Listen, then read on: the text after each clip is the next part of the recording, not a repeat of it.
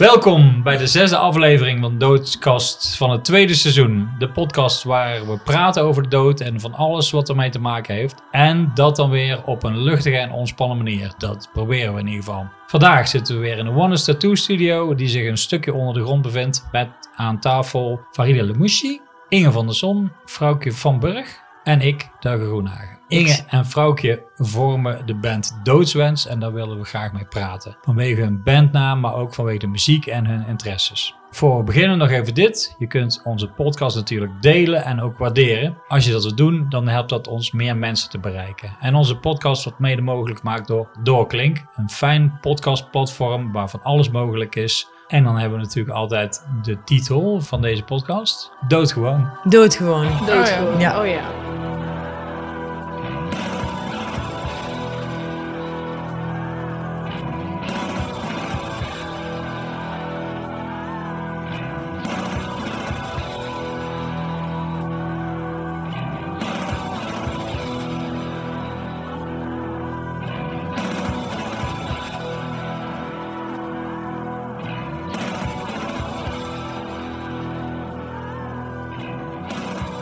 Dus welkom. Dat geldt niet alleen voor de mensen die luisteren, maar ook voor jullie. Super eh, fijn dat jullie eh, hier zijn gekomen en de reis uit België en Zeeland hebben gemaakt. Eigenlijk eh, had Frida jullie gespot om, Yes. om te, mee te praten. Eh, en eh, verder heb ik de rest van de week alleen maar eh, jullie muziek geluisterd. Nou ben ik ook geïnteresseerd. Ja, zo gaat het dan, hè? Ja. Zo gaat het dan. Ja, Nice. eh, wil jij meteen met iets rechtzetten? Vind je dat fijn? Omdat, je toch, Ja. eh, omdat we nu natuurlijk over de band hebben Ja. en jullie Ja, al met, ja. met z'n tweeën. Doodswens is niet meer eh, Inge en Vrouwtje. Nee, precies. Oké. Maar iedereen weet het al. Oh, ja, het is al aangekondigd. Ja, ja, heel Ja. goed. Heel Ja. goed. Ja. Ik wist het nog niet. Dat maakt niet uit. Maar vertel. Doodswens, ja. We zijn begonnen in 2017 op de muziekopleiding in Eindhoven. Dus de band komt ook echt uit Eindhoven op papier, zeg maar. En daar is het ook allemaal begonnen. En de Little Devil hebben ons eerste optreden gehad.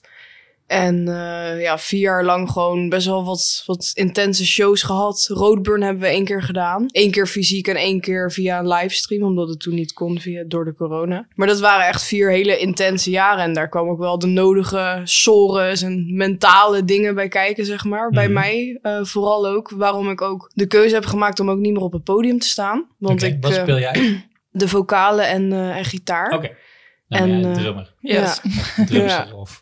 Ja, precies. uit. Drumster.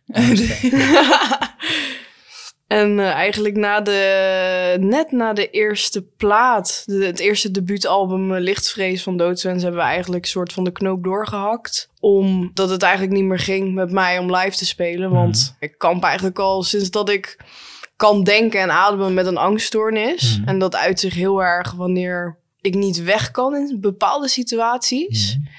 En dat is eigenlijk sinds kinds af aan al. En eh, als eh, artiest is dat heel lastig als je dan op het podium staat Mhm. en iedereen kijkt en je staat echt gevangen in je element. En ik kan live ook niet mijn voldoening uit de muziek halen, heb ik het eh, idee. Achteraf wel, dan valt er een last van je schouders. Maar ik haal meer vol- voldoening uit de muziek door het gewoon te schrijven en te repeteren en nog er zelf mee bezig te zijn. En niet per se om het op het podium Mhm. te delen met mensen. En dan ook al die sores mentaal die erbij komt kijken, dat was niet echt meer gezond meer. Dus vandaar de keuze om eh, op het podium een stapje terug te doen. Ja, daar heb ik best wel vrede mee. En dat is nu allemaal gewoon goed uitgepakt. Want er is ook een nieuwe line-up aangekondigd. En eh, daar, eh, daar doet Doodswens al shows mee. En daar kan Inge sowieso wat meer over vertellen. Ja, in principe hebben we, wat was het, 18 maart? 18 maart, ja, dat was de laatste eh, show, ja. onze afscheidsshow gedaan eigenlijk. ook in de Little Devil, waar het de ook Little begon. Devil, Ja, ja. ja. Nee, full circle noemen ze dat. Ja. Ja, full circle. Dat was ook echt het eh,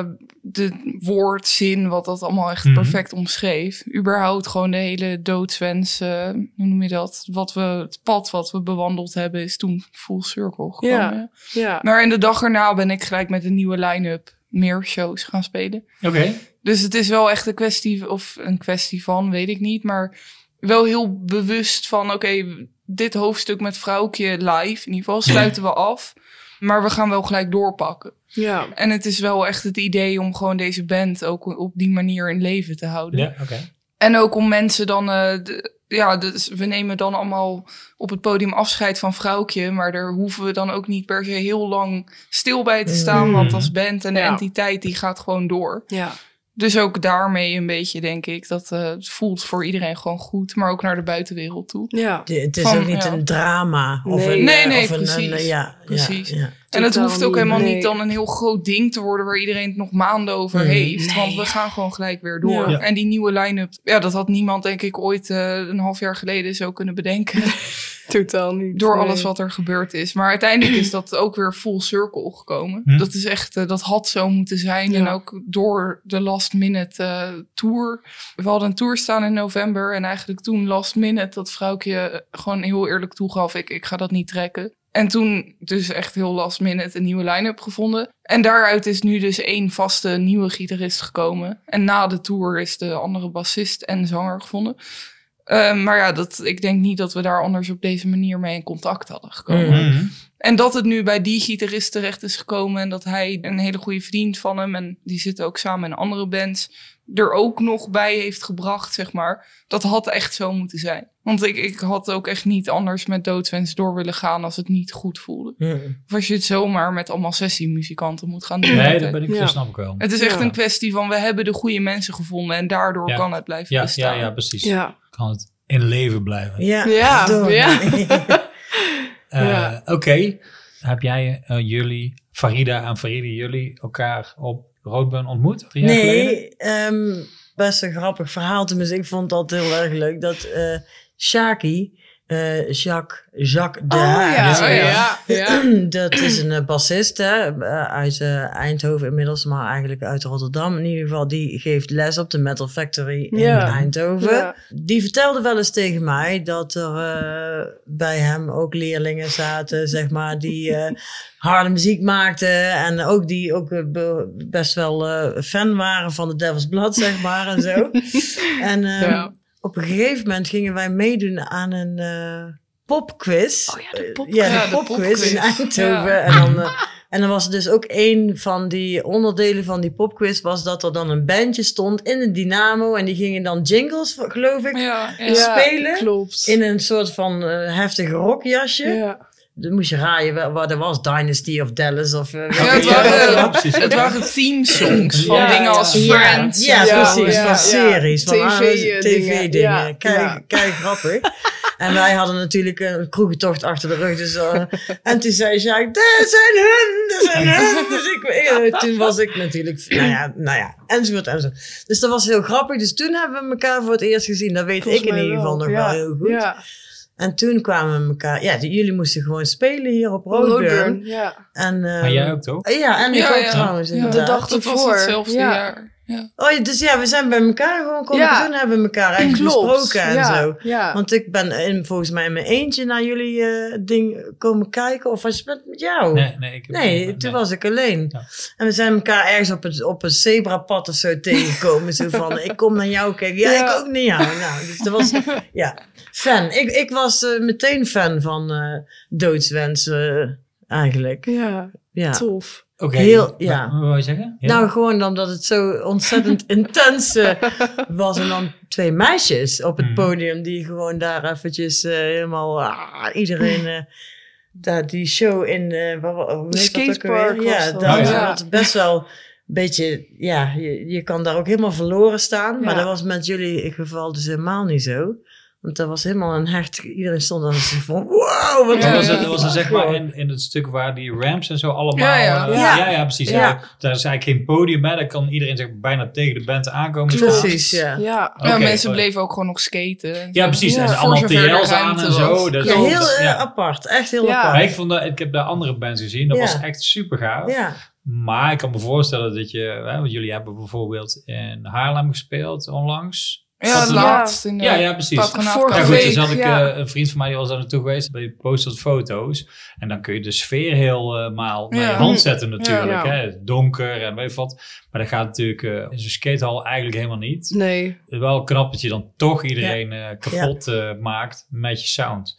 Want dat is Ja. wat je zegt, toch? Ja. Nou ja, dat vond ik het bijzondere daarvan. Dus dat, dat je inderdaad was net alsof het een soort community tje was. Ja, ja. Eh, dus dat we met z'n allen zo helemaal in elkaar, op elkaar en dan alleen maar zo ah, die, Ja, die muziek erin zo, ja, daarin, ja. Dat vond ik echt heel knap. Midden overdag ook. Ja, ja. Dus klopt. eh, Ja. Maar dat was ook echt gewoon door de, eh, hoe alles was gelopen, maar ook door de setting en door de Ja. energie die er hing. En ik denk dat dat uiteindelijk echt is gekomen door alle mensen die daar, ja, per toevalligheid misschien, maar of omdat ze het gewoon het wilden zien. Nou maar ja, de mensen. door denk ik- jullie, denk ik zeggen. Nee, ja, maar ik bedoel, de mensen die daar uiteindelijk allemaal samen zijn geweest, Ja. die hebben ook wel echt dusdanige energie afgegeven die echt op ons is Oh, terug. dat zal wel een Ja, wisselwerking dat geloof ik sowieso. ook. Maar ja. ook dat we Ja. Achteraf inderdaad horen dat jij daar staat en weet ik het wie allemaal nog meer. Dat je echt denkt, van, er stonden echt precies de goede mensen ook Mm. wel. Ja. Ja, dat gaf ons terug, zeg maar. Dat konden wij dan ook weer teruggeven. Ja, ja, nou, ja, ik kan me ook heel goed voorstellen dat je die plek, de mensen staan zo dicht op je, Mm. zeg maar, of zo. Tenminste, er is geen verhoging voor jou of eh, weet ik veel wat. Echt maar zo'n klein stukje Ja, ja, ja, 20 centimeter. Ja. Dat kan je niet zien hè, op de. Nou. maar eh, ehm, in ieder geval, eh, eh, ja, je zit er heel dicht op elkaar. Dus je wordt eigenlijk helemaal ingesloten. Dat- Ik weet niet, als je daar angstig voor bent, lijkt me dat misschien Ja, weer ja. Maar, maar je, je voelt ook heel direct die wisselwerking. Ja, Dus, en ergens was het geluid ook echt heel goed. Ja, dat was echt bijzonder. Ja, maar ook voor ons het podiumgeluid. Ja, Want je hebt wel eens dat je gigs of ergens een show speelt dat het zaalgeluid heel goed is, maar dat je eigenlijk, of in ieder geval achter het drumstel vooral, helemaal Ja. niks meekrijgt van wat er nou eigenlijk allemaal is gebeurd.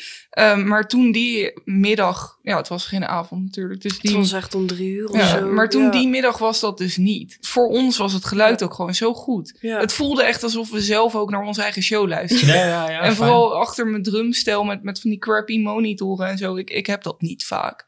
Dat ik echt hoor Mhm. hoe onze set het is, klinkt. ja, ja. Dus alles klopte gewoon. Ja, echt, Ja. echt zo. Die sfeer, daar vind ik wel eh, interessant om over te praten. Hè? Uiteindelijk is dat misschien wel de reden waarom je naar metal bent gaan luisteren en dat zelf bent gaan maken en daar zeg maar dus ook iets aan probeert toe te voegen of zo. En eh, kijk, er zijn natuurlijk heel veel mensen die naar dit luisteren, die helemaal misschien nog wel nooit metal geluisterd hebben of eh, jullie nog nooit gehoord hebben Mm. of zo. Daar vind ik interessant om over te praten. Wat probeer je eh, iemand anders te laten voelen of wat Mm. probeer je zeg maar eh, op te roepen of zo. Want dat is eigenlijk wat je probeert. Je probeert iets op te roepen, zeg maar, toch? Ja, ik denk vooral sinds de tour van ehm, sinds het begin van Doodswens sowieso hebben we altijd wel met een heel klein altaartje en er zijn altijd kaarsen en Mm. bepaalde vormen van schedels of iets aanwezig geweest. Nou, als ik voor mezelf spreek in ieder geval, dan is het altijd ook wel heel belangrijk voor me geweest. Hmm. Het stond nooit vast sowieso Mhm. en het was al nooit echt het eh, kenmerk of whatever ding op het podium. Het stond er meer gewoon voor onszelf en Ja. op de grond ergens en zo. ja. Mhm. En dat kwam mede omdat eigenlijk gewoon het hele optreden en vrouwtje en vrouwtje haar energie daarbij echt al intens genoeg was. dat is echt wel legit altijd waar heel veel van die intensiteit van onze shows vandaan kwam. Hmm.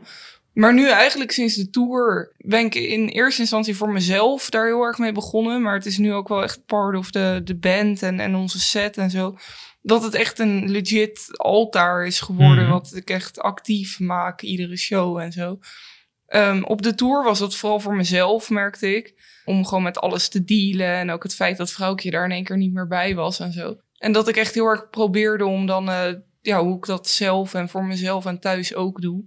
Om daar met een soort ritueel helemaal dicht tot jezelf te komen. En wat je dan inderdaad wil uiten naar de mensen. Ja. Ben ik dan heel erg mee bezig. En nu na de tour is dat gewoon iets wat is blijven hangen. En het voelt nu niet meer dus als voor mezelf. Maar echt Hmm. omdat we die twee gasten erbij hebben gevonden. Alsof we de driehoek Hmm. sluiten, zeg maar. En dat is wel, eh, ja, er gebeuren dan echt wel dingen die, die je niet met logica kan beschrijven, zeg maar. En het idee wat, wat ik daarbij uit wil dragen is sowieso dat het ehm, voorop moet staan dat het daar echt voor onszelf staat. Van wij halen daar wat uit en het betekent voor ons wat. En het staat daar ook echt absoluut niet voor het plaatje of voor een Mhm. foto of zo. Sterker nog, liever niet. Maar ehm, ja, ik geloof ook wel heel erg dat als mensen daar in de zaal staan met een verkeerde instelling. Of met iets op hun kerfstok, bij wijze Mhm. van spreken, dat ze daar dan ook wel achter komen.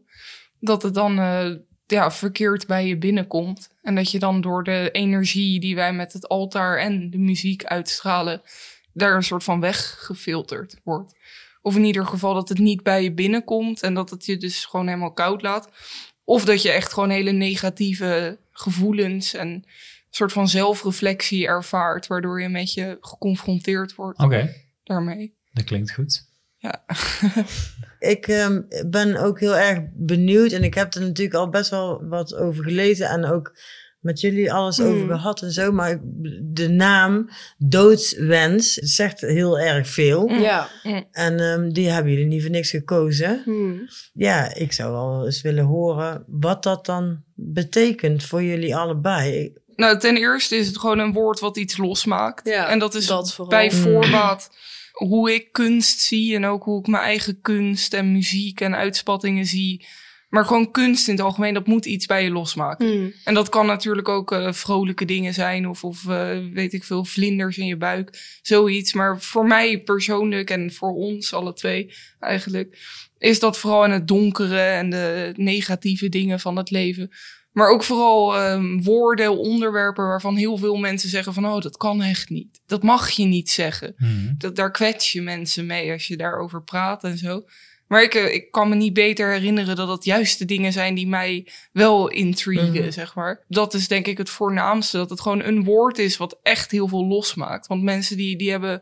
Voor er ze- iemand ja. van. Of Mm. ja, En ik vind dus heel erg van bij kunst, als het jou op een bepaalde manier raakt, dan geeft het jou eigenlijk iets om te gaan kijken bij jezelf. Van wat doet het dan met mij? Is het omdat ik een negatieve connectie met dat woord heb, omdat ik er iets mee heb meegemaakt? Of vind ik het gewoon eh, een beetje eng en hou ik niet zo van eh, enge, donkere dingen? Of eh, raakt het me heel erg omdat ik eigenlijk er zelf mee in de knoop zit? En kan ik daardoor niet zo goed dealen met het feit dat deze band dat woord in mijn gezicht gooit, zo voor onder je neus duwt, zeg maar.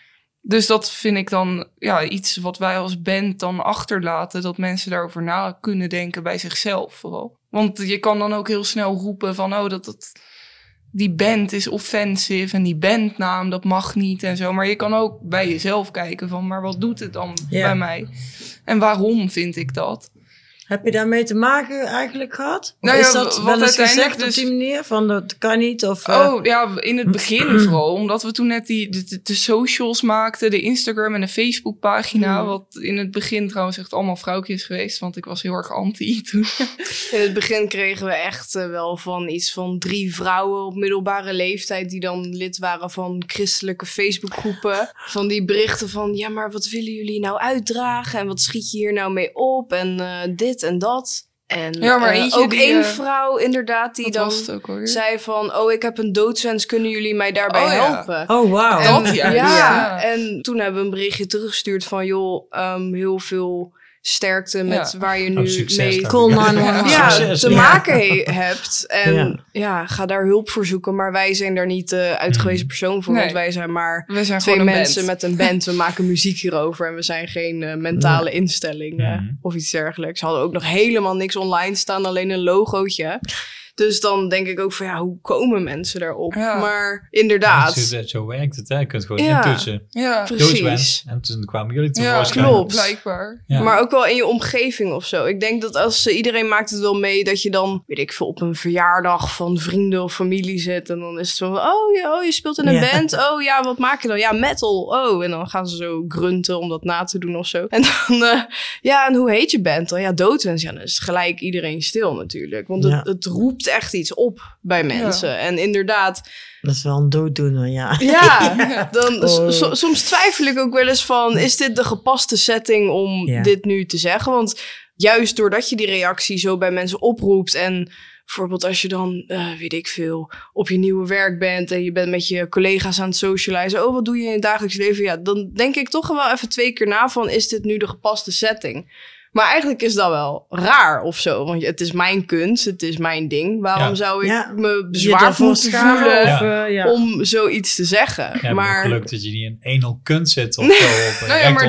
daar, zo. moet Ja. ik dus ook net aan denken toen ik dat een beetje zo aankaartte. Van Ja. dat soort bands, of een Cannibal Corpse of een Wiegedood. Mhm. Of een Aborted, die gewoon letterlijk eh gigs gecanceld krijgen door hun bandnaam. Ja, ik, ik ga daar juist wel hard op. Want dan denk ik van, dan heb je dus echt kunst gemaakt die echt iets losmaakt bij mensen. Mhm. ja, Want mensen die willen gewoon jou boycotten door Weet je wel? Ja. Maar eerlijk, ik zeg dus bij voorbaat niet tegen dat ik nu naar België verhuisd ben op een buurtfeestje. Mijn Ja, nieuwe buren en bij mijn opa en oma. Ik zeg dit bij voorbaat niet. Mm. En ook omdat je dan inderdaad gewoon voelt van dit is niet de setting. Ja. Maar ook omdat ik ja, best wel een, een mening en ideeën heb over black metal en hoe dat niet bij iedereen terecht hoeft te komen. Het is absoluut niet iets waarvan ik mensen ongevraagd ermee wil confronteren. Mm. Mhm. Maar dat is ook omdat ik vind dat black metal niet zomaar bij iedereen terecht moet komen. Als het voor je is en als het bij jou hoort te zijn, dan komt het vanzelf op je pad. Ja. Of dan doe jij iets waardoor je er op zoek naar bent en het komt op je pad. Maar het is niet aan mij om eh, buurvrouw drie huizen verderop met een dochter van 14 daaraan te introduceren. Dus ja, bij voorbaat zeg ik eigenlijk nog, ik zeg altijd van ja, muziek, harde muziek, Dat. rock. Ja, Ja. oké, Ja. metal. En dan, Ja, dan ja, ja. zijn ze de vraag van hoe heet die band dan alweer vergeten. Ja. Dat inderdaad. ja. En je moeder? Mijn moeder. Ja, eh, die bijvoorbeeld? heeft, ja, die heeft er altijd al uh, keierg achter gestaan Ja. eigenlijk. Ja, ik ben sowieso opgegroeid met ja, Pink Floyd, U2, Rolling Stones. Altijd al met gitaarmuziek. En toen ik eh, negen was, zei ik tegen mijn ouders... ik wil op gitaarles en ik wil niet akoestisch, ik wil elektrisch.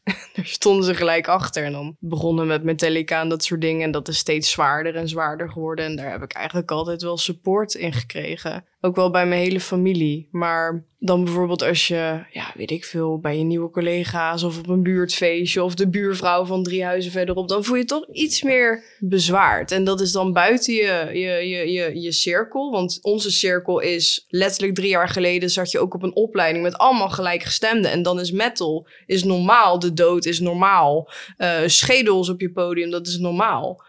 En dan voelt het zo'n contrast met dan die andere kant van het leven. Dat je dan even drie keer nadenkt: oh, maar wat ik doe, dat is eigenlijk niet normaal. Maar waarom is het niet normaal? Dat, ja, En school is natuurlijk wel een soort van veilige omgeving Ja. dat soort dingen. sowieso. Ik bedoel, dat, en ik, dat snap ik wel. Maar goed, als je dan inderdaad... eh, hier in Tilburg zit de balletacademie. Hm. Daar maakt van niet zoveel uit. Maar, maar soms eh, kom ik... Ik kan met de trein en dan kom ik aan op het station in Hm. Tilburg.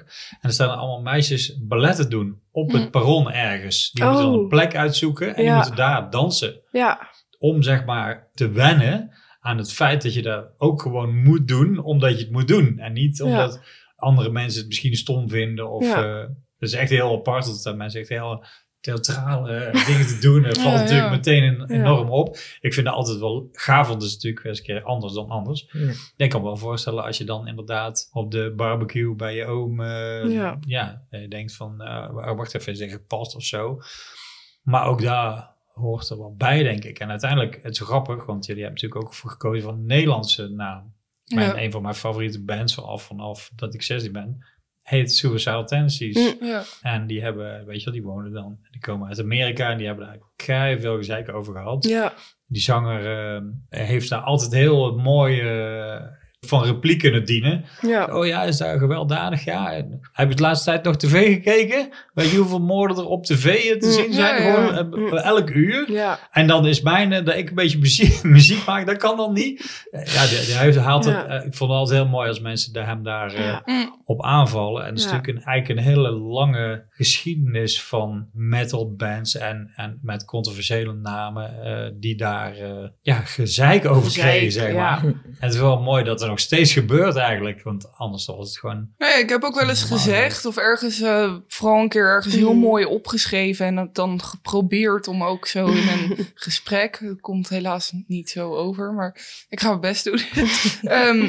over dat het hele idee van dat dit dus iets losmaakt bij mensen en, en dat we dus inderdaad iets bespreekbaar maken, dat je daar voelt dat je daar reacties op krijgt. Ook zelfs van mensen in de metal, die, ja, het maakt gewoon iets los bij mensen. Hm. Maar ook als mensen er boos op worden of erop tegen zijn. Het moment dat dat niet meer zou gebeuren, dat zou eigenlijk heel jammer zijn. Want dan Ja. betekent dat onze eh, purpose erop zit. Het moment dat, Mhm. dat mensen daar niks meer van vinden en niks meer bij voelen, dan is het doel geslaagd. Want dan is het dus blijkbaar genormaliseerd. Dan is het niet meer nodig om, om er bespreekbaar te maken of om dingen los te maken. Want blijkbaar is het dan, eh, ja, ik weet, in dat stukje wat ik heb opgeschreven heb ik iets gezegd van eh, blijf ons alsjeblieft dat tegengas geven en blijf alsjeblieft lekker laten weten hoe erg je er allemaal op tegen bent. Want dat blijkt aan ons hoe erg het nog nodig is dat wij dit doen. Hmm. En dat wij dit uitdragen. Ja, dat is wel interessant. Ja. Nou, ja. wil jij iets, Nee, eh, nee, nee, Ja? ik, ik luister en ik vind het ook interessant. dus, eh, Oké. Ja. Ja, dus het ligt natuurlijk voor de hand om jouw angst te koppelen aan eh, de stijl muziek die je maakt. Ja, sowieso. Een goede vriend van mij, Steven Koster, is een eh oerva- oervader van de Nederlandse grindcore, denk ik, Ja. of zo. Ja. Ik heb bij hem op de HAVO gezeten. En die, die is natuurlijk eh, ooit romperprop begonnen. Maar die kon ook niet meer tegen om op te treden. Hm. Daar moest ik net aan denken, omdat eh, andere mensen zijn die band, hebben die band, band verder gebracht, zeg maar, ja, of zo. ja, ja.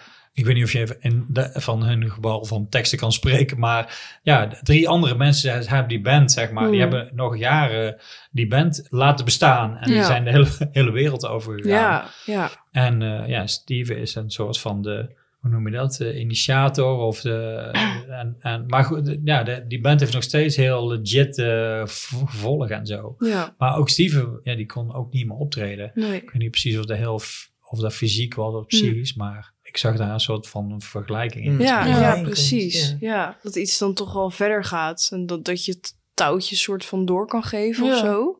Maar dat het allemaal niet verloren is. Want je hebt wel Ja. iets achtergelaten. Ja, dat klopt. En dat zal altijd ook zo blijven. En Dat Maar, maar zou je ja. bijvoorbeeld nog nummers ook schrijven daarvoor? Omdat je zegt dat je het wel leuk vindt? Ik denk het niet. Nee, dat is eigenlijk al wel een beetje tussen, tussen ons afgesproken. Dat hun staan op het podium en dat is zeg maar hun ritueel en hun moeten het verkondigen. Dus I did my part, Mhm. zeg maar. Lichtvrees, dat is echt ons ding. Dat zijn die twee verhalen Mhm. van ons die echt bij elkaar zijn gekomen. Dat is vereeuwigd. Dat, ja, dat is gewoon al de wereld ingeslingerd, zeg maar. En ik heb er zelf ook gewoon bewust voor gekozen om dan afstand te nemen van het podium. En dan vind ik het ook niet echt meer op mijn plaats om dan tegen iemand te zeggen die dan wel op het podium staat van dit moet je spelen of dit moet je schrijven of iets op die manier. Eh, want het moet echt vanuit hun komen. En als hun het niet voelen, dan komt het ook niet Mhm. over. Mhm. Dus de muziek laat ik nu compleet bij de nieuwe line-up liggen. Want anders klopt het niet. Voor, allebei, voor allebei de ja. partijen niet. En ik denk eerlijk gezegd ook voor Doodswens als band, entiteit en voor mij als artiest of zo zijn dingen ook niet zo zwart-wit. Nee. Van het is niet zo makkelijk als muziek maken, optreden en iets opnemen, weet je. Het is echt een heel grijs gebied daar allemaal tussenin. Want in het begin was hier best wel een ding over van mensen willen duidelijkheid. Ook de mensen om Ja. ons heen die met ons samenwerken. Mhm. Die nieuwe gasten die in de band komen, die wilden gewoon echt wel duidelijk weten van wat wordt er van ons verwacht. Worden wij een soort sessie muzikanten die vrouwtjes muziek gaan spelen. En daar konden ze ook wel eerlijk in zijn dat ze dat niet zo voelden. Ja. Maar op een gegeven moment, vooral van dus de managementkant en dat soort dingen. Mensen die dus best wel zwart-wit denken en niet in een grijs creatief gebied. Die wilden gewoon iets weten, iets van duidelijkheid. En ik heb vanaf het begin al heel erg gezegd van ja, maar dit is... Ik, ik kan je er niet echt duidelijkheid over geven, want het is gewoon een proces wat we moeten vertrouwen. En ik weet zeker dat uiteindelijk op de een of andere manier de energieën die daar horen te komen, die komen samen. En, en ik heb daar zelf gewoon vertrouwen in dat dat ook met vrouwtje er een stukje bijdragen, energie of creatieve input, whatever is. Want dat is gewoon hoe, hoe dingen lopen. Ja. En vooral eh, voor mij als artiest en zo. Ja. Van ik laat me gewoon heel erg leiden door de stroom. En dan alles wat daarbij hoort, dat komt daarbij. Dat en het feit dat. Vrouwtje en ik, en ook met de nieuwe line-up trouwens, maar vooral dat wij twee nog zo goed met elkaar omgaan. Ja, En helemaal onbewust, niet gepland, elkaar nu nog zo vaak zien. ja, En met dit soort dingen en onderwerpen bezig zijn. Je laat wel een energie bij elkaar Ja. achter. Mhm. En omdat Dat ik nog wel met hun schrijf, automatisch druppelt daar een energie door. Want zij inspireert mij en dat druppelt dan door Hmm. naar de... Maar het is niet zo zwart-wit als een riff dus. Nee, Van, oh, ik zo, heb ja, muziek ik of een riff geschreven. Een, een maar- organische ja.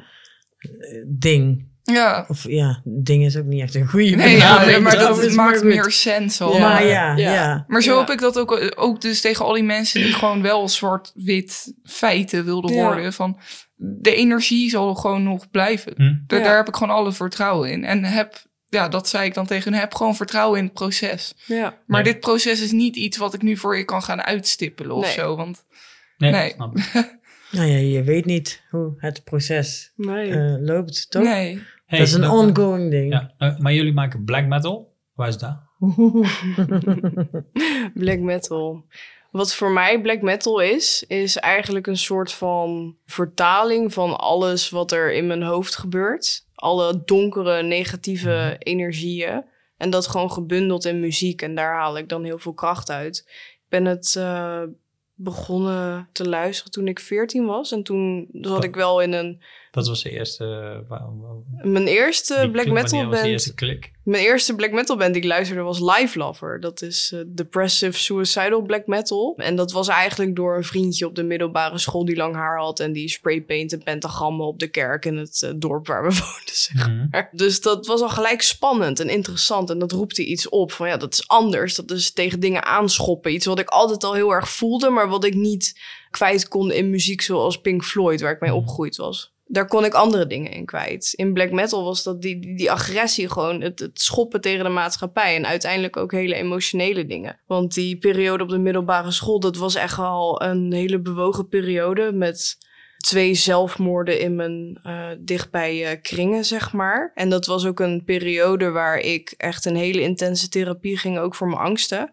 Dus toen kwam alles een beetje bij elkaar. Zo van, oké, dit voel ik nu en dat is echt heel erg naar en shit. Maar in deze muziek kan ik dat kwijt. En toen was het altijd al mijn doel van... ik moet dit zelf ook gaan maken. Ik moet zelf ook teksten hierover schrijven... en ik moet dit, dit, dit moet eruit. En daarom wou ik ook graag naar muziekopleiding. En ik dacht van, ik ga er niet achteraan, het komt vanzelf wel. En toen vonden wij elkaar op die muziekopleiding. En toen al die teksten die ik in mijn hoofd had toen ik 14 was in die periode... en dat is allemaal gewoon opgebundeld, want ja, life happens. En die angsten zijn ook nog steeds heel erg aanwezig geweest. En dan kan het er ineens uit. En dat is black metal voor Hm. mij. De vertaling van alles wat hier zit. En dat door letterlijk door mijn keel naar buiten brengen. Daaruit Eigenlijk. schreeuwen. Ja. Ja, Ja. zeker. ja. En voor jou? Voor mij is black metal religie. Oké. En, en waar ik mijn leven en mijn dood aan eh, dedicate. Het is inderdaad ook eigenlijk hoe vrouwke het zegt. Gewoon al zolang ik me kan herinneren dat ik gewoon... Mijn hoofd werkt gewoon anders. mijn associatie met waar ik me goed bij voel... of wat, wat goede dingen oproept en slechte dingen oproept... waar ik door geïntrigeerd word en zo... dat is gewoon andersom dan bij de meeste mensen. En daar kwam ik al op hele jonge leeftijd achter ik hield gewoon meer van de donkere dingen. En als we ergens een, een familiefeestje hadden, dan maakte ik graag die opmerking waarvan iedereen zat van, zeg ze dat echt? Dat kan je toch niet zeggen? En is niet gezond als een jong kind al zo erg bezig is met nou ja, de dood of eh, donkere eh, geloofsovertuigingen, dat soort dingen. Maar ik had daar, ja, ik had het gevoel, dat ik kan me gewoon niet meer herinneren dan dat ik altijd zo'n gevoel had. Maar ook dat ik in mijn hoofd gewoon de geluiden die ik hoor en de chaos die het is in mijn brein. Dat was altijd gewoon normaal voor me. Maar als je ouder wordt en vooral op een gegeven moment de eh, einde van de basisschool, begin middelbare school, dan kom je daar dus allemaal een beetje achter. Ja, dat je anders bent, dus blijkbaar. En toen op een gegeven moment black metal kwam, is daar echt iets eh, geklikt. Toen was het echt van, ja, dit is ik ontdek nu voor het eerst deze muziek, maar het is niet nieuw voor me. Want Mhm. wat ik hierbij voel en wat het bij me losmaakt, is gewoon iets waar, waar ik al mijn hele leven naar streef. En ehm, hoe noem je dat? Vasthouding. Waar ik mezelf aan kan vasthouden of zo. En dan op een gegeven moment dat je het een naam kan geven. Zoals black metal. En, en op een gegeven moment dus ook een eigen echt stroming gevonden in het satanisme en zo.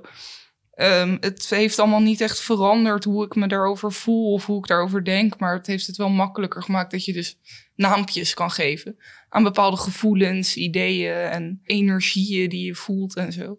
En ja, dat vooral allemaal heel donker en negatief is. Dat, dat zijn bij mij gewoon dingen waar ik me juist heel comfortabel bij voel. En dat kan ik me dus echt niet herinneren dat dat, dat altijd al zo geweest is. Als je black metal echt gewoon puur ehm, hoe moet je dat noemen? Gewoon heel erg eh, logisch of zo. Als je de muziekgeschiedenis gaat bekijken en daar gewoon een heel logisch eh, verhaal van wil maken. op een gegeven moment, eh, nou ja, de, de geschiedenis van muziek en van metal. En dat wordt natuurlijk allemaal steeds harder en steeds extremer. En dan is er een bepaalde stroming en dan is dat niet extreem meer genoeg. En dan komt daar een stroming recht tegenover die dan nog harder wil doen of het tegenovergestelde wil doen. En als je het een beetje in grote lijnen bekijkt, op een gegeven moment had je punk. En na punk kwam glam. En toen werd het allemaal weer een beetje, eh, ja, misschien toch weer wat te vrolijk of zo. Dit is echt een hele grote lijn hoor. Dit, want er zit echt nog heel veel tussen ook. Maar uiteindelijk kom je dus uit bij eh, een Venom of zo. In League with Satan en hun album Black Metal. Mhm. En uiteindelijk kom je dan dus uit in Scandinavië. Ergens begin eh, de jaren tachtig. eh, met mensen die ja, ook denk ik al, of altijd al hebben rondgelopen met het idee dat het duistere hun aantrekt en dat ze donkere gevoelens en ideeën over het leven hebben. Maar ook dat de muziek die gemaakt wordt gewoon niet extreem genoeg meer is en dat het allemaal nog heftiger moet en Mhm. nog meer schenen schoppend, maar ook gewoon echt on dit is satanistisch heel Lucifer. Mhm. En, en zo is uiteindelijk daar ja, vanuit een heel klein groepje mensen die dit heeft bedacht en die elkaar dan allemaal aansteken, inspireren en dat steeds meer uitlaten. Een genre geboren, wat wij nu allemaal black metal noemen. Ja, oké. Ja, het is natuurlijk met heel veel soorten muziek gaat het zo. Hè? Het, soort, het vertakt en het vertakt en Ja. het vertakt. Ik bedoel, of je nou naar de folk, eh, daar heb je ook allerlei, of in de house. Ik kan Ja. niet eens meer praten over house, want alle, ja, je moet wel specifieker zijn. Ja. Metal ja. kun je ook niet meer zeggen. Ja. Nee. ik maak metal. Ja, dat, dat is niet Ja. genoeg Nee, om te zeggen. Er zijn heel veel, eh maak je folk metal of maak je... Nee joh, eh, ben je gek? Eh, weet je wel, dat, dat, dat komt steeds, dat komt steeds specifieker. Ja. Ik weet er zelf niet zo heel veel van. En daarom vind ik het zo interessant. Ik weet er wel een beetje van. Maar vind ik super, super boeiend. Ik vind vooral de sfeer heel interessant. Dat is waar ik denk te herkennen.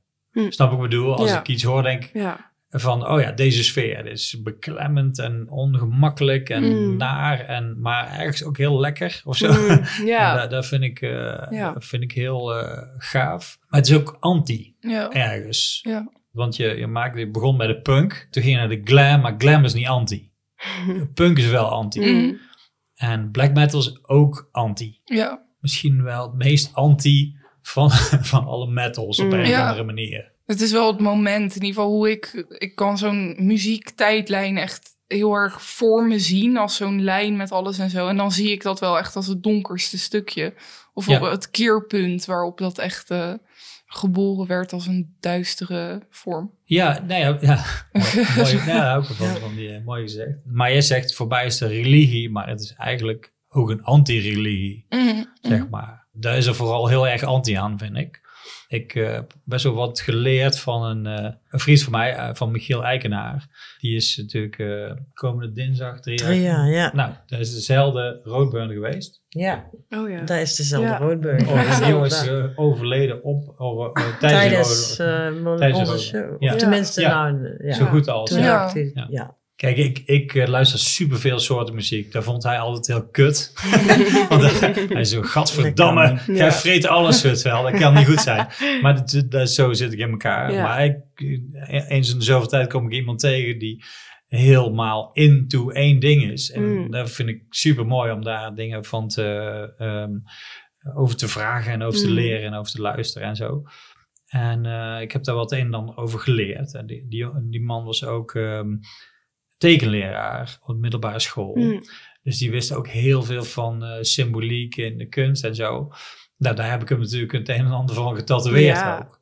En eh, dus konden we altijd goed over eh, praten. Overigens met Selim heb ik hem, toen ik zijn handen tatoeëerde. Ik weet nog dat hij, die wou tatoeage op zijn handen van Watain. En, en, en zoals Michiel zei, een echte geloofwaardige black metal band. Ehm, wou die op zijn handen getatoeëerd hebben. En die ging naar een tattoo shop, eh, waar ik ook ooit gewerkt heb. En daar wou ze dat niet doen. Ik weet niet precies waarom niet, omdat ze het inderdaad eh, negatief vonden of eh, Ja. weet ik veel wat. In ieder geval vonden ze dat ze, hadden, ze voelden wel aan dat dat, dat dat niet helemaal kosher was, ik maar zeggen. Of niet helemaal eh, positief of zo. Maar wakker blijven, hè? Ik ben er nog hoor. Ja, ik zit gewoon te denken, ja. Ehm, En eh, dus toen kwam hij bij mij en toen eh, zei ik, ja, dat wil ik wel doen. Dus toen, Ja. En toen eh, heb ik eigenlijk dus zo'n driehoek met, met, met de oog aan de ene kant en aan de andere kant. Ik weet niet wat de andere kant stond. Het is van een LP. Nou goed, anyway, het was wel grappig, want hij heeft het laten tatoeëren. Toen hebben we daar een heel goed gesprek over gehad. En toen dacht ik, hoezo heeft die ene tattoo shop hem dat geweigerd zonder het gesprek aan te gaan? Precies. Want op Ja. het moment dat ik het gesprek aanging, toen, kwam, toen, toen stroomde het zo ontzettend Ja. duidelijk uit die man. Ik dacht van ja, maar jij weet echt veel beter wat je wil en wat je zoekt in dit ontwerp dan misschien wel 90% van de mensen die iets kiezen. Mhm. Het was heel fijn om daar een heel onderbouwd antwoord op te, van te krijgen. En later hoorde ik van Michiel dat hij had die tattoos, maar toen had hij Wateen nog niet ontmoet. Hm. En hij was bij een show, ik denk in eh 013. nee, goudvisal. Oké, de Gouden Versal. En toen kwamen ze, toen kwam Selim, die band tegen, de band kwam, en die, en die schrokken echt van dat hij die tattoos op zijn handen had. Hm. Dat is hij soort, wow, Hm. oké dan. En, en eh, toen is er een soort connectie eh, ontstaan en uiteindelijk is hij, heeft hij ook in die band gespeeld, toch? Ja, mee op de tour Ja. heeft hij eh, Ja. gespeeld. Twee Ja. keer, ja. Vond ik wel eh, vet. Niet gezegd, hè, maar gewoon dat, dat zeg maar, de, nou ja, eigenlijk precies wat je vertelt, hè, de energie, je voelt dat. En je vereenzelvigt jezelf ermee en je, Ja. je, je wordt er één mee en uiteindelijk stroomt die verder en, en, en ja, en dan heb je een soort connectie eh, met de andere mensen die dat ook voelen of zo. Dat is heel, heel interessant en dat is een heel specifiek ding. Een vriend van mij zei, black metal, ja, waar is dat? Dat is toch met mensen die eh, als hun moeder overreden eh, zijn, dat ze, dan, eh, dat ze dan gaan juichen. dat was voor hem eh, het idee van black metal. Oh ja, ja, ja, eh, ja. Toen dacht ik, Wauw. ja, Ja, volgens dat- mij is het al iets eh, Iets. Is hetzelfde als dat mensen zeggen, oh, satanisme of Ja. Lucifer of whatever. Dan Ja. offer je baby's of dieren of zo, Ja. weet je wel. Dat, vind ik precies Slecht. dezelfde vergelijking. Alleen maar slecht, ja. Ja, maar heel erg, heel erg het, het hele grote plaatje compleet Ja. uit verband getrokken naar één simpele Mhm. zin. Die dan ook voor mensen die er niks mee hebben een soort van het spannend maakt, weet je. Ja. Ja, maar ja, dat is ook ingewikkeld. Want natuurlijk komen we uit een maatschappij die ingericht is met goed en slecht. Ja. En, en er zit eigenlijk niet zo heel veel tussenin. Ja, En goed is God en slecht is Satan. Ja. Dus ja, als je dan eh, black metal muziek luistert en je bent satanistisch en je maakt een, een, een ritueel of je doet iets met bloed, of, eh, ja, dan eh, ben je gewoon slecht. Ja. ja. Want wat is dat, satanisme, voor jullie? Nou ja, voor mij is het echt ehm, mijn redding en, en mijn pad wat ik bewandel. Het voelt voor mij gewoon heel erg. Daar ben ik overigens echt al heel, heel vroeg achter gekomen op de basisschool. Het was een rooms-katholieke basisschool, dus niet super streng gelovig. Maar er werd wel eh, gebeden iedere ochtend. En we deden wel eh, ja, gewoon van die dingetjes samen met de kerk. En je communie kon je dan doen en zo. Maar je hoefde niet per se mee te bidden. Maar je moest wel gewoon in die kring zitten en er naar luisteren en zo. En dat maakte nooit echt sens voor me. Ik, ik had heel veel vragen daarbij en het, ik voelde het ook niet. En ik vond het eigenlijk een beetje raar. Gewoon wat al die mensen dan zeiden en geloofden en waar ze voor beden en zo. En ik heb gewoon altijd al heel sterk het gevoel gehad van ik moet dat dan gaan omdraaien. Dit was op de basisschool, dus dan ben je echt tussen de 7, 8, 9 jaar, zoiets. En ik had er niks over gezien op tv of zo, of geen boek, maar dat was gewoon echt ja, het gevoel dat ik kreeg van wat zij doen, dat moet ik omdraaien, want dan klopt het voor mij. Maar ja, dan ben je dus ja, letterlijk hun kruis draaien om. En toen eh, met een ander vriendinnetje, ook wel een meisje, wat dan eh, is overigens nu tatoeëerster. Hoe zeg je dat? Dus die is ook wel een beetje ja, een alternatief leven gaan leiden. En dat was toen met haar, dat ik zei van oké, maar wij, wij zitten in die kring, wij, wij gaan ook ergens voor bidden. Ik wil ook ergens voor bidden. Maar wat gaan we dan doen? En toen had ik echt zo zelf bedacht van... Oké, dan doen we onze wijsvinger en pink omhoog. Dat zijn dan de horns of Satan. En ehm, onze middelvinger en duim bij elkaar. Dat is dan de halo van eh, het goede. Want het, goede het slechte bestaat niet zonder het goede. Of trouwens, het was volgens mij met je ringvinger en je wijsvinger. En dan je pink, dat was het, eh, de mensheid. De hele kleine mensheid die eigenlijk niets waard is. En er een beetje... Beetje zo whatever. aan de zijkant bij hangt. Ja, een beetje aan de zijkant erbij staat. Maar al deze vier dingen, die heb je samen nodig. Want anders dan, dan het een... Kan niet zonder het Ja, het ander. een kan niet Ja. zonder het ander. En het een vult het ander ook aan. Dat is echt best wel apart, want later kom je er dus achter dat Devil Horns legit een ding is. Ja. En dat, ja, ik ben op jonge leeftijd ook wel in aanraking met metal gekomen, maar het was niet iets waar ik me echt bewust van was. Mhm. Onbewust ben ik daar waarschijnlijk wel door geïnspireerd of op het idee gekomen. Maar dat ik daar later, nou, toen was ik echt heel jong dus van dit verhaal, maar ik ben op mijn zeventiende of achttiende dat ik echt, ja, een soort bekeerd ben. Een hele lastige situatie in mijn leven, waarin ik eh, naar het buitenland was gegaan en helemaal helemaal op mezelf en helemaal geen contact met mensen. Maar het ging gewoon echt niet goed met me. Dus toen ben ik helemaal tot mezelf gekeerd. En toen ja, heb ik een soort van visioenen gehad. En, en helemaal ja, echt het idee dat er in één keer iets tot me kwam. En uiteindelijk heb ik dat kunnen benoemen. Door in, ja, dat je uiteindelijk dus wel dingen erover gaat opzoeken en lezen. En nog steeds vind ik dus dat het niet vergelijkbaar is met wie of wat dan ook. Maar je vindt namen die het beste kloppen. En dat op Ja. een gegeven moment ben ik dat dus satanisme en Lucifer en et cetera gaan noemen. Maar nog steeds vind ik dus wel van dat is gewoon de naam die het beste past. Maar het is niet wat het het beste inhoudt of omschrijft of zo. Ja, dat is dus echt misschien wel tien, negen jaar later of zo.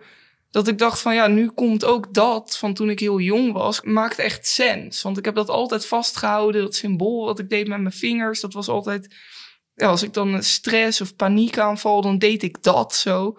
En ik was ook dan heel erg bezig met dat ik ergens voor eh, ging bidden en voor mezelf ook. En rust in mezelf daarmee vinden, vrede met jezelf vooral.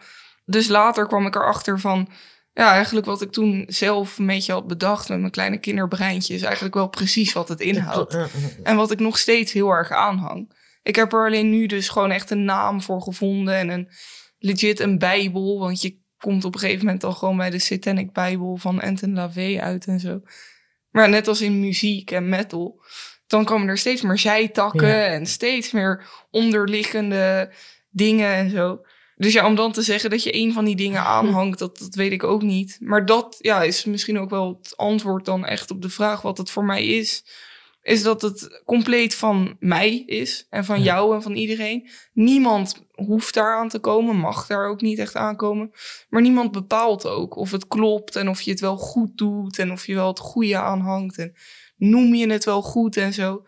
Nee, dat is satanisme voor mij. Dat je daar een compleet ja, individualisme is Ja. satanisme. En dat je daar compleet een individu in mag zijn die daar compleet zijn eigen pad, weg, eh, opvattingen en gevoel bij maakt. En er is niemand die daar in deze religie wat van vindt. Of jou vertelt hoe je het moet doen. Ja, oké. En dat, dat vind ik niet bij andere religies. Ik heb geleerd dat de eerste regel van satanisme is: doe wat je wilt. Ja, Mhm. ja, ja. Ja. Focus op je individu. Ja, maar doe wat je wilt, vind ik een interessante filosofische eh, stelling. Daar is namelijk eh, een soort van eh, ul- ultieme vrijheid of zo. Ja. En dat kan dus alles zijn. Dus als ik eh, vandaag eh, zin heb om eh, met de kettingzaag door de, door de, de mediamarkt te lopen en iedereen een stukken zagen die ik tegenkom, dan is dat, als dat is wat ik wil, dan moet ik het doen. Maar ik kan ook gewoon net zo goed eh, al die mensen duizend euro geven. Dat is ook, eh, ja, dus ook als ik dat wil, dan kan ik dat ook doen. Dus hij heeft een bepaalde vorm van anarchie in zich. Het gaat heel erg vanuit je urges of zo. Vanuit je, hoe noem je dat? Je, fuck, hoe zeg je dat in het Nederlands? Je, je, Je Ehm, dwang behoef, of nee, ja, urges is, eh jezus. Ja, ik moet gewoon echt aan gevoel denken. Wat maar dat is ja, maar, het is dicht drang, bij je behoefte, gevoel. je drang. Ja, Ja, drift of zo. Drift, ja, ja. Je beweegreden, weet ik veel. Ja. Ja, van binnenuit. Gewoon. Ja. Ja. Ja. Dat, Maar ja, dat is een beetje waar ik toen op mijn 18 was ik trouwens. Toen waar ik doorheen ben gegaan. Het echt een heel spiritueel proces is dat geweest. Waar ik op een gegeven moment alles ben kwijtgeraakt en heb losgelaten. Om dan vervolgens dat helemaal opnieuw op te bouwen. Zonder ook maar enige vorm van invloed van buitenaf. Of gedachten van hoe dat dan wel of niet moet. Mhm. Tot je gewoon echt doet wat je In wil. jezelf Mhm. gevonden, zeg maar. Ja, ja. Maar Ja. dan ook daarmee je leven indeelt. En ook je privé en je werk, relatie, woon, werk, relatie, Mhm. leven en zo. En dat daar dus ook niemand, maar ook echt niemand is die jou kan vertellen hoe dat dan wel of niet Ja. moet. Oké. Dat is allemaal aan jezelf of je dat toelaat. Zeg maar. Ja, dat zit allemaal in die eerste regel eigenlijk. Ja, Hè? Dat is wel ja. interessant inderdaad. Maar dan ga ik aan jou vragen. en de dood in die context? Want je, je vertelde net dat je ja, bepaalde angsten hebt of zo. Mhm. Of, eh, dus dat klinkt een beetje als paniekachtige gevo- Klopt. gevoelens en zo. Ja. Ik stel me voor dat het enorm beklemmend is en eh, alles overberoelend, zeg maar, zoals je dat meemaakt. Maar ik kan me ook voorstellen dat je dan, ja, dat je doodsangst ervan krijgt of zo. Doodsangst is inderdaad ja, wel het goede woord Ja. ook. En ook wel gelinkt aan de bandnaam, denk ik. Mhm. Vanaf kinds af aan heb ik het altijd al heel veel gehad, ook over de dood. Ik had daar wel een hele erge interesse in. Dat ik, ik kon eigenlijk eerder praten dan, eh, dan, dan, dan echt goed lopen. Dus ik was echt vanaf hele jonge leeftijd al heel erg bezig met woorden leren en gewoon praten en alles willen weten. En dan heb je die fase als kind dat je heel de tijd aan je moeder vraagt: waarom is dit? Waarom is dat? En waar andere kinderen dan aan hun moeder vragen van waarom is dit glas leeg of waarom is de tafel rood? Mhm. Vroeg ik aan mijn moeder van waar gaan we heen als, eh, als, als, als we doodgaan? Want dat besef was er eigenlijk al best wel vroeg. Want ik heb heel veel ehm, overledenen meegemaakt in de familie. Want eh, kanker is best wel een groot ding in, in onze familie. En ik heb daar heel veel oud-tantes, oud-ooms... Die, die dan niet per se dichtbij staan... maar dan maak je als jong kind al wel mee wat het is en wat het inhoudt. Dus daar had ik een grote interesse in. En uiteindelijk, toen ik wat ouder werd, kwamen die angsten. En was dat ook altijd heel erg aanwezig. Zo van, oké, maar het kan ook in één keer over zijn. En hoe zou dat dan voelen? Zou dat dan opluchtend voelen? Dus dat je eigenlijk als negenjarig kind niet meer naar school kan... omdat je eigenlijk iedere nacht met acht uur lange paniekaanvallen in bed ligt... dat je dan als negenjarig kind al afvraagt van... ja, maar hoeft dit dan eigenlijk nog wel, zeg Mhm. maar? Omdat die interesse daar altijd voor was. En ik heb het als kind ook nooit echt per se als negatief iets gezien omdat er ook thuis heel erg luchtig erover werd gepraat. Toen mijn oma doodging, eh, mijn, mijn- de eerste oma die overleed, toen was ik zeven jaar. En ik werd gewoon in heel dat proces betrokken door mijn familie en door, door, door mijn ouders. Van dat is niet gek, dat is normaal. Ook gewoon naar de open casket, ehm, hoe heet dat, mortuarium geweest. Een paar dagen voor de begrafenis. En daar huppelde ik als kind gewoon vrolijk rond. Dus het is nooit taboe geweest. Dus daarom denk ik dat ik daar best wel makkelijk altijd over gedacht heb. Toen met die begrafenis liep ik als kind achter de kist aan te dansen. Van, oh, we gaan oma begraven.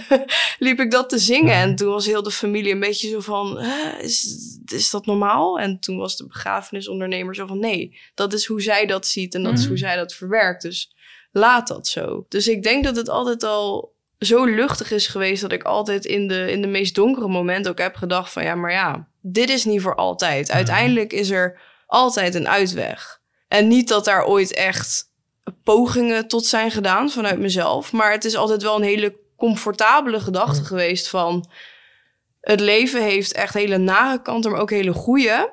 Maar uiteindelijk is het ook over en dan hoeft het ook allemaal niet meer. Dan bestaat die paniek niet meer, bestaan die angsten niet meer. En daar heb ik ook heel erg mijn uitlaatklep in gevonden in de muziek, in, in Doodswens. Om gewoon dat echt eruit te laten. En doodsangsten uit te staan. Een paar maanden voor een show, tijdens een show. Na een show heb je die opluchting. Maar dat heb ik daar wel heel erg goed in kunnen verwerken. En ook die teksten, wat ik nooit echt heb kunnen uitspreken naar mensen. Want ik kan mezelf beter verwoorden in mijn teksten dan gewoon één op één met iemand.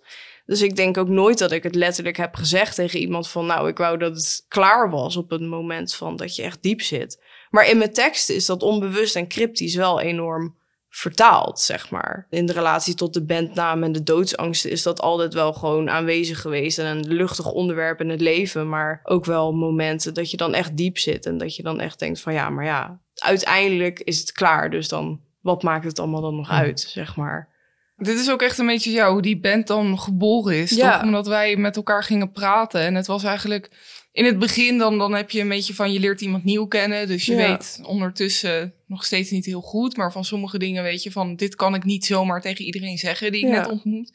Maar bij ons was dat er binnen vijf minuten af. Ja, Dat is Want al ja. die dingen waar je dan je normaal over in Ja. moet houden, dat kwam er bij ons gewoon uit. En daar hebben we eigenlijk ook nooit bij stilgestaan dat dat dan raar is, want dat is gewoon onze realiteit. ja. En toen die boekjes er dan bij kwamen van toen we tussen de 12 en 14 waren, was gewoon bijna identiek. Ja, En, en dan die teksten Ja. combined en daarover Ja. praten en zo, dat was gewoon echt, ja, één. Ja. En ook nu dat je dit verhaal weer vertelt, moet ik gelijk denken aan dat onze moeders elkaar op een gegeven moment natuurlijk ontmoet hebben. En samen naar die shows gekeken. En die stonden dan op een gegeven moment uren, echt vier uur lang te praten over. Oh ja, dat deed vrouwtje ook. Ja, echt? oh ja, Ja, dat deed ja, ook. Oh ja. Zijn jullie soulmates? Nou, Of ik is dat zo- noem vrouwtje de muzikale liefde van mijn leven. Ja, ah, ja, ja, ja, ja. Maar het gaat wel verder dan dat. Ja. Like, de vriendschap is ook wel echt... eh, ja.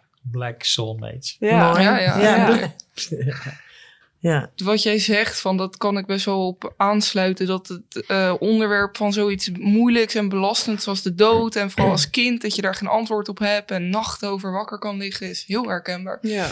Maar ja, voor mij, ik heb dat op een gegeven moment dus gewoon omgedraaid naar... Oké, ik kan hier niet mee dealen. Ik heb er ook geen antwoord op. De Mm. volwassenen om me heen ook niet. Van waarom gaan we dood? Waar ga je heen als je dood? Hoe is dat? Hoe voelt dat? Oké, dus waar ik moet hiermee dealen. Dus het op een gegeven moment gewoon omgedraaid naar iets van... Nou, oké, dan ga ik het omarmen. Ja. Dan, dan is het eh, iets waar ik naar uitkijk en iets wat ik als heel positief ervaar. En ik heb er geen controle over, daar kan ik absoluut niet mee dealen. Dus ik, ik hou voor mezelf heel erg vast, al vanaf een jonge leeftijd, dat, dat ik dus de keuze maak om daar wel controle over te hebben.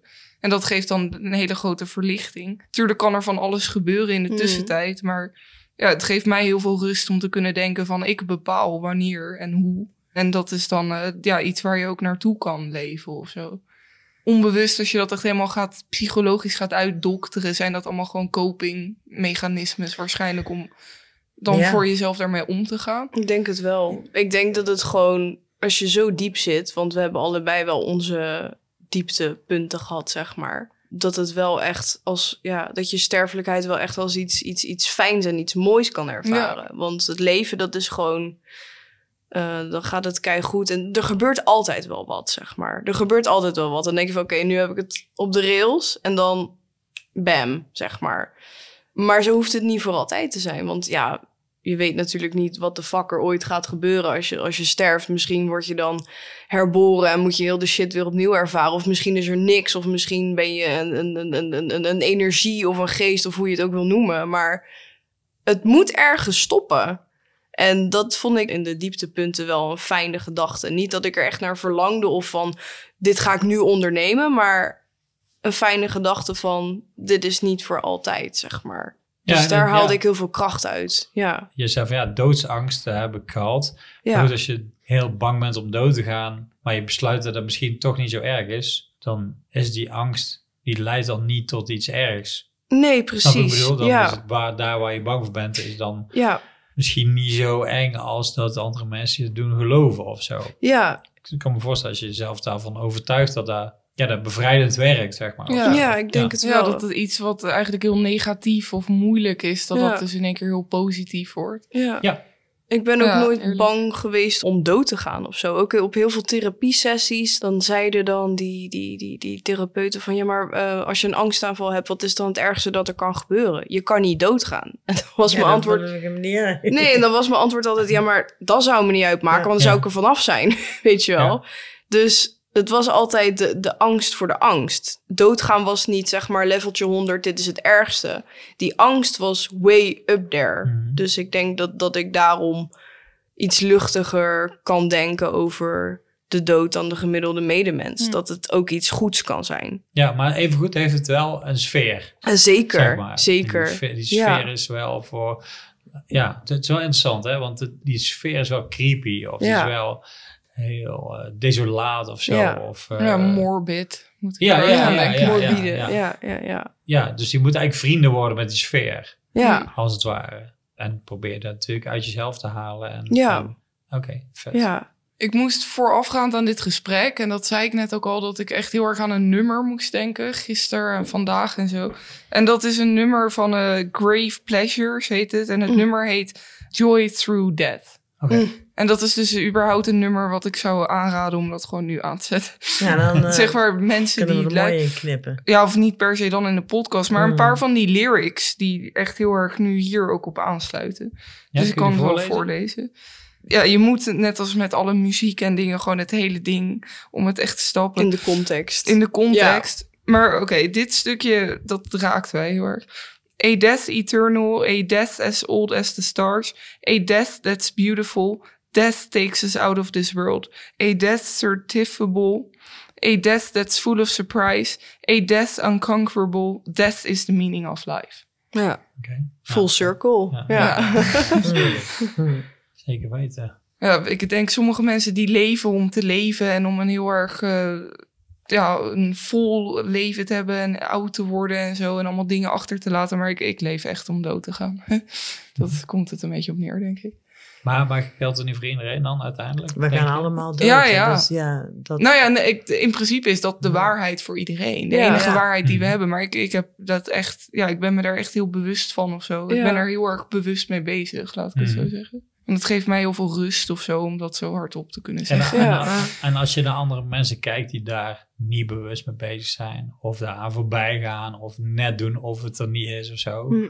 hoe bekijken die mensen? Dat komt niet echt bij me binnen, als ik heel eerlijk ben. Ik, ik heb me daar een beetje een soort eh, filtermuur voor. Hmm. Mhm. Ja, gaat een beetje Ja, aan me voorbij. eigenlijk gewoon niet. Ja, ja precies. Nee, Het het is is ook niet dat het me niet ja. interesseert, maar het is gewoon... Het, Je eigen referentiekader, je Ja. eigen waarheid. Je weet niet, je, je, je zou nooit in kunnen leven wat een ander kan denken en voelen. Nee, maar En, je kon, ja. wordt de hele tijd geconfronteerd met mensen die Ja. zeggen, ja, maar die naam van je band, en ja, eh, ja. hoezo zie je er zo uit, en je bent eng, en wat de Ja. fuck allemaal Ja, nog meer. ja, Ja, ja. ik denk misschien dat dit ook wel meer gebeurt dan ik door heb. Maar ik leef echt wel een Ja. beetje in een bubbel. je doet gewoon je eigen Dus, ding. ja, Ja. het komt niet dat echt dan niet eens binnen. Nee, nee, Nee, nee, maar dus dan zou ik kunnen zeggen dat Ja. het niet interesseert wat andere mensen van je denken. Ja, Ja. ja. En dat is een goed, dat is denk ik Ja. Daar is niks mis mee. Nee, helemaal niet.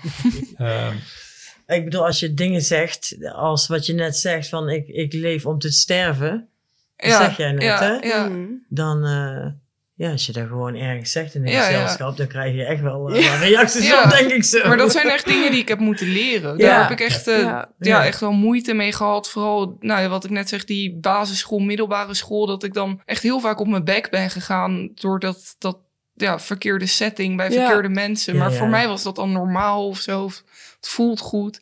Maar ik heb dat echt moeten leren. Dat je Ja. dat dus niet altijd zomaar overal bij iedereen kan doen. Nee. Ja, of soms wel, maar dan kies je ervoor. Dat Nou is ja, dan dat- een eh, dat is de setting, Ja, ja. ja.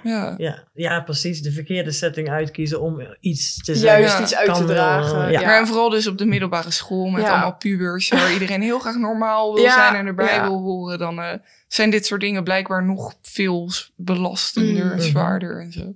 Ja, het is geen leuke tijd, de puberteit. nou ja, ik kan me voorstellen als je in een band zit waar je daar kwijt kan. En iemand anders vindt die dat ook heel normaal Mm. vindt. Mhm. Dan, dan eh, eh, word je gesterkt in je visie. Mhm. Dan maakt het ook minder uit wat andere mensen. Ja. Want loop je Ja. minder tegen problemen aan. Of tegen, Mm. tegen de anti die je dan bent voor sommige mensen. Niet voor jezelf, maar Mm. voor andere mensen ben je misschien soort van anti. Ja, daar heb je dan minder last van. Sterker nog, je komt meer mensen tegen Dat die werkt, anti, ja. anti zijn. En dan, dan eh, eh, word je daar wat comfortabeler in, kan ik me voorstellen. ja. Community Ja, ja, eh, dat, dat, dat, gevoel. dat, ja. dat het werkt zo met elke overtuiging of religie of wat je goed kan of wat je fijn vindt of Ja. fan van bent of noem het maar op. Hoe meer mensen je om je heen hebt die van hetzelfde houden of hetzelfde vinden, ja, dan, dan, dan wordt dat jouw wereld, toch Ja, een beetje. Ja. Dan eh, heb je niet zoveel last van de rest van de wereld of zo. Of samen sterk. eh, Ja. dat ja, soort. ja. eerlijk. Ja, ehm, ik moet heel erg plassen. Dat is echt normaal. Eh, dus dat ga ik gewoon even doen. Lekker plassen. ja. Fair enough. Ik vind het een goed gesprek. Ja, toch? Ja, eerlijk. Ja. Oh, die zandloper zo helemaal leeg. Ja, Ik zat al te kijken, nog, is maar een- ja, het Het is kan. een hourglass, hè? dus die duurt Hourglass. echt precies een uur. Oh. Oh, wat Ja. goed. Heel cool. Ja, Ik dat vraag ook. me dan wel eens af, though, want je ziet nu door dit licht ook wel dat er zandkorrels natuurlijk blijven hangen. Oh, maar ze laten ook los. Ja. Want ik wilde zeggen, er blijven er dan steeds meer hangen. Dus dan op een gegeven moment krijg je een soort...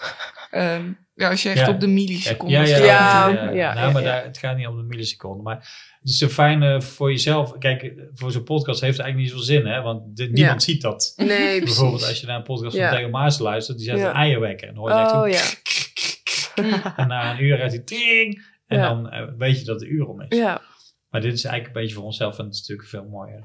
dat is ook gewoon Ja, esthetiek. Ja, de Ja. symboliek ook, Ja, hè? ja. Dat is het Ja, echt Ja. zo. Het is Dus- echt heel mooi. Ja, toch? Ja, gewoon überhaupt nu vanavond, maar bij denk ik al jullie podcasts en bij het overkoepelende onderwerp Mhm. de dood, de zandloper die Ja, ja, ja, ja, nee, ja, dat is Ja, echt een ja, zeker. symbool. Ja, Echt Ja. heel mooi. ja, schaaf. Yo, Jo, daar ben ik weer. Wel ja? Jee. Ja. ja, niet helemaal. Maar wel een beetje voor de helft. eh. Mouth of Satan. Ja, dat je, dat zit daar de hele tijd op te wachten. Nee, dat is correct. Dat is correct aan denken. Oh ja. Dan ben jij. Ja, dat was ik. Dat was jij ooit. Denk, ja. Ik heb altijd gedacht dat het komt omdat jij gewoon grote bakken zat. Ja. En je niet bang bent om iets te zeggen. Dat dacht ik eigenlijk. Ja, dat, Dat ermee te maken had. dat is niet. niet? Maar ja, dat, dat is ook zo. Oké. Dus, eh, maar dat was gewoon mijn rol in die band natuurlijk. The Mouth of Satan. Dus ja, ik weet niet. Dat is ook weer een full cirkel. Want Mm. ik denk niet dat er iemand anders was geweest eh, die Selim zo genoemd zou hebben, zeg maar. Of waar die die naam voor zou bedacht Nee, hebben, nee, snap je? Nee. Dus dat heeft ook waarschijnlijk natuurlijk wel ook met mijn grote bek te maken. Ja. En hoe heb jij dat satanisme en de dood ervaren? Hoe ik dat heb ervaren. Ja. Kijk, je hebt het natuurlijk gezien eh, Mhm. aan je broer, maar je hebt het ook uitgedragen Ja. als jezelf. Ja, nou ja, ik moet wel zeggen, dus ik ben niet eh, ehm, als kind of zoals je wat jullie vertellen, weet je wel, dat je zo. eh, ja, dat, dat, dat had ik helemaal niet. Hm. Dus ik, maar ik kwam wel bij harde muziek terecht, maar pas veel later bijvoorbeeld. En eh, ik had niet een ongenoegen of een, ik weet niet. Dus ik heb een heel ander soort Ingang. gevonden. ingang gevonden Mhm, of zo, inderdaad. En ik ben dus eigenlijk bij dat, dus bij harde muziek was ik al veel eerder. En ik had dan ook wel op een gegeven moment metal en black metal en al die, al die dingetjes allemaal. Maar de satanisme, dat was echt ver van mijn bedshow. Pas toen Selim eigenlijk daar eh, zich in ging verdiepen, toen ging ik daar een soort van over de schouder een beetje meekijken. Hm. Ik heb daar gewoon, eh, in het begin had ik daar ook een klein beetje eerlijk gezegd wel wat heel veel mensen daarvan hebben. Zeggen van, ja, ik weet het niet. Wat, wat moet ik daarmee? Wat, is, wat betekent dat? Wat houdt dat in? Geloof je dan in eh, iemand met, eh, met de horentjes op? Ja, ja. Of, want ik vond, zeg maar, het hele, de, de hele godsdiensttoestand Mm. en het- de, de Bijbel en zo, Mm. daar had ik echt hele grote vraagtekens bij. Maar dan vond ik het eigenlijk ook heel raar om dan wel in een duivel te geloven. Ja, Als, ja. Ik bedoel, dat, dat, dat kon er bij mij niet zo in. Totdat ik wat meer inzicht ging krijgen. Gewoon in van, ehm, oké, wat je zegt, weet je wel. Doe wat je wil. En die, dat je dus eh, in jezelf moet zoeken naar, eh, naar je kracht. En eh, ehm, de dingen doen zoals die voor jou goed zijn. Die dus ook wel eens eh, consequenties kunnen hebben voor anderen die helemaal niet zo goed zijn. En komt het ook een beetje op neer dat je dan niet godvrezend bent. Daar komt het dan eigenlijk Ik ben zeker niet godvrezend. nee, maar goed, nee. eh, Ja. dat. Voor mij is het altijd een beetje een, eh, een, een, eh, een, een- het geloven in jezelf geweest. Van je, je, je, je- het gaat om jou in deze wereld. En jij moet de dingen doen zoals die goed zijn voor jou.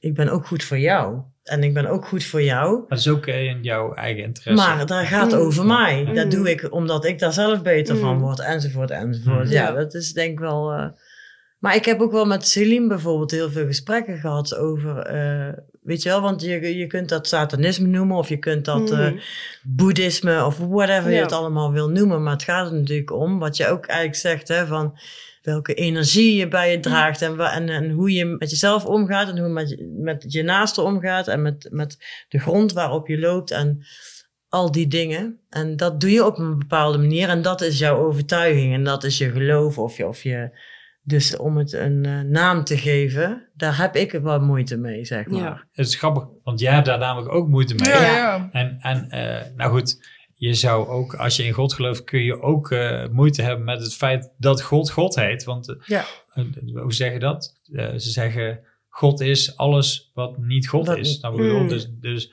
en het is niet te noemen. Nee. Want het is een, hoe noem je dat? Een, een belevenis of Mm. zo. Ja, ja, ik denk dat veel, belevenis, veel, echt ja, veel dingen zeg maar, in geloven hebben te maken met je ervaring. Als jij een ervaring hebt gehad, dan is daar iets van je systeem geworden. En Ja. dan, en, dat kun je dan geloven noemen.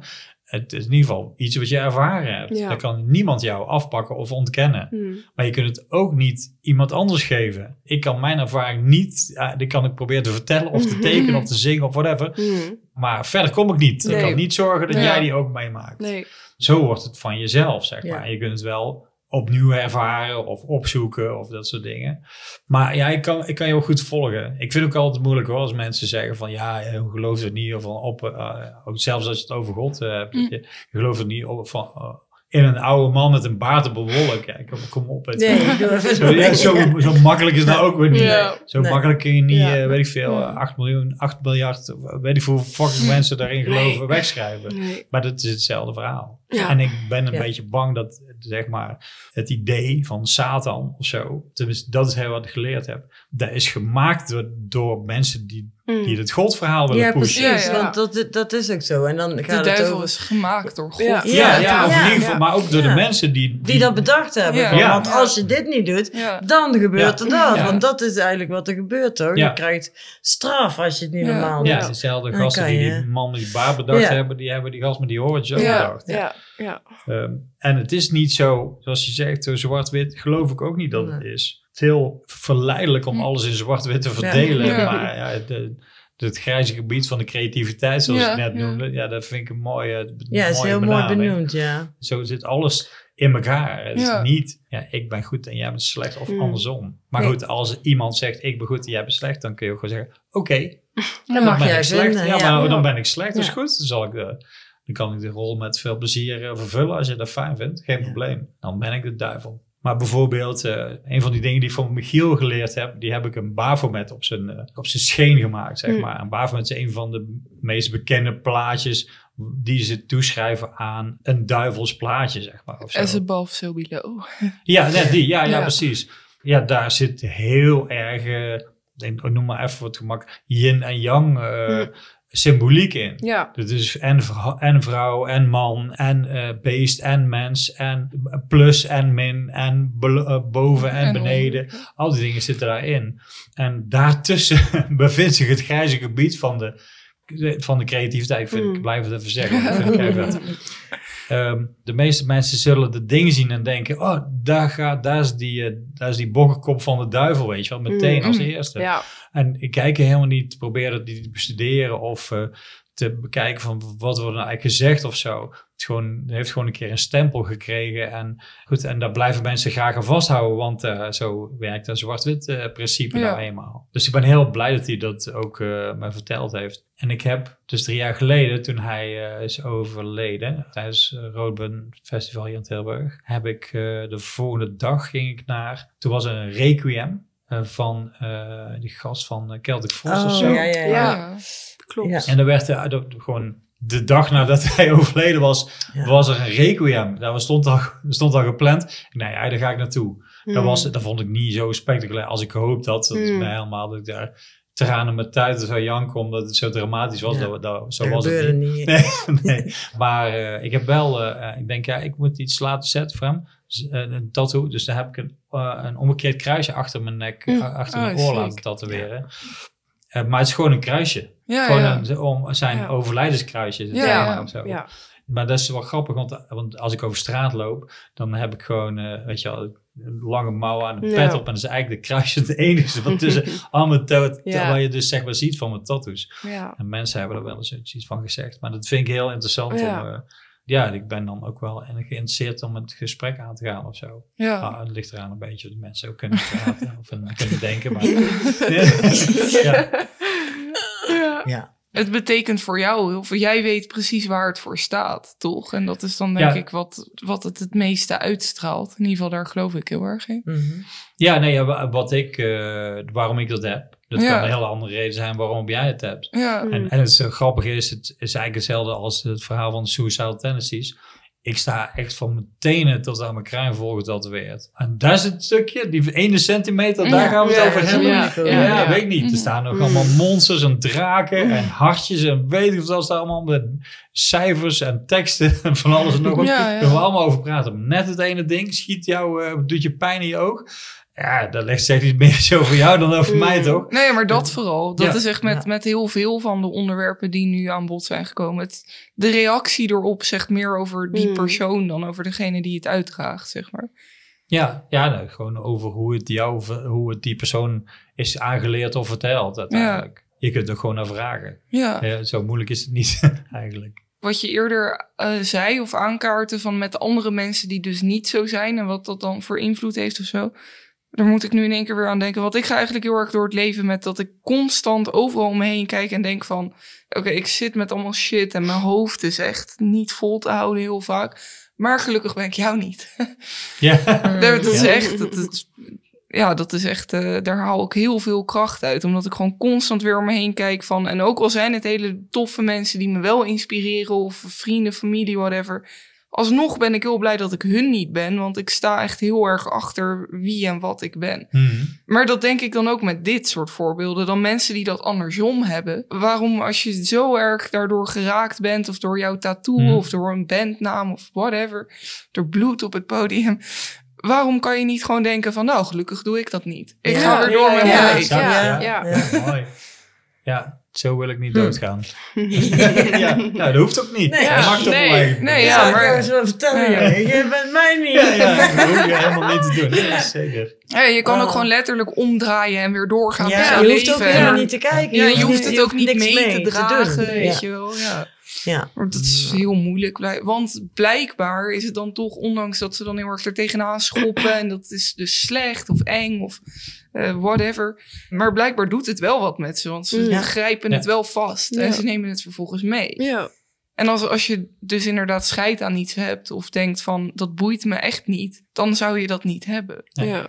Nee, klopt. Dus ja. Maar ik denk ook dat dat gewoon de kern is van alles wat gewoon misgaat en slecht is in de Mhm. wereld. Mensen die te veel met elkaar bemoeien. Oh ja. En mensen die overal ergens iets van moeten vinden. Dat is waar alle oorlogen beginnen en, en, en, en alles wat de wereld kapot maakt. Mensen die zich met elkaar bemoeien. Ja, een afgunst. Van, Afgunst, ik, ja. Ik eh, snap dat niet, dus ik gun het jou ook niet. Ja, Ja, dat zit gewoon ingebakken in mensen ook, denk Zo ik. Ja. zijn mensen. Ja, ja. Dat is echt. echt een beetje jammer, maar zo zijn mensen. Ja. Ja, maar dat is ook uiteindelijk het hele donkere spectrum Ja. waar we het over de Ja. hele tijd Ja, al ja, over hebben. Maar uiteindelijk zit dat ook in ons. Nee, dat Ja, is, zijn. sowieso. Nou, dat, het, dat, alles zit in iedereen. Ja, alles ja, zit precies. altijd in iedereen. Dat is denk ik ook nog een onderdeel daarvan. Als we het dan toch hebben over wat geloof je in. Of- Mhm. Ja, Het gaat er dus om dat je dat omarmt. Wat je Ja. ook, daar begonnen we ook ergens al in het gesprek mee. Dat je dat accepteert.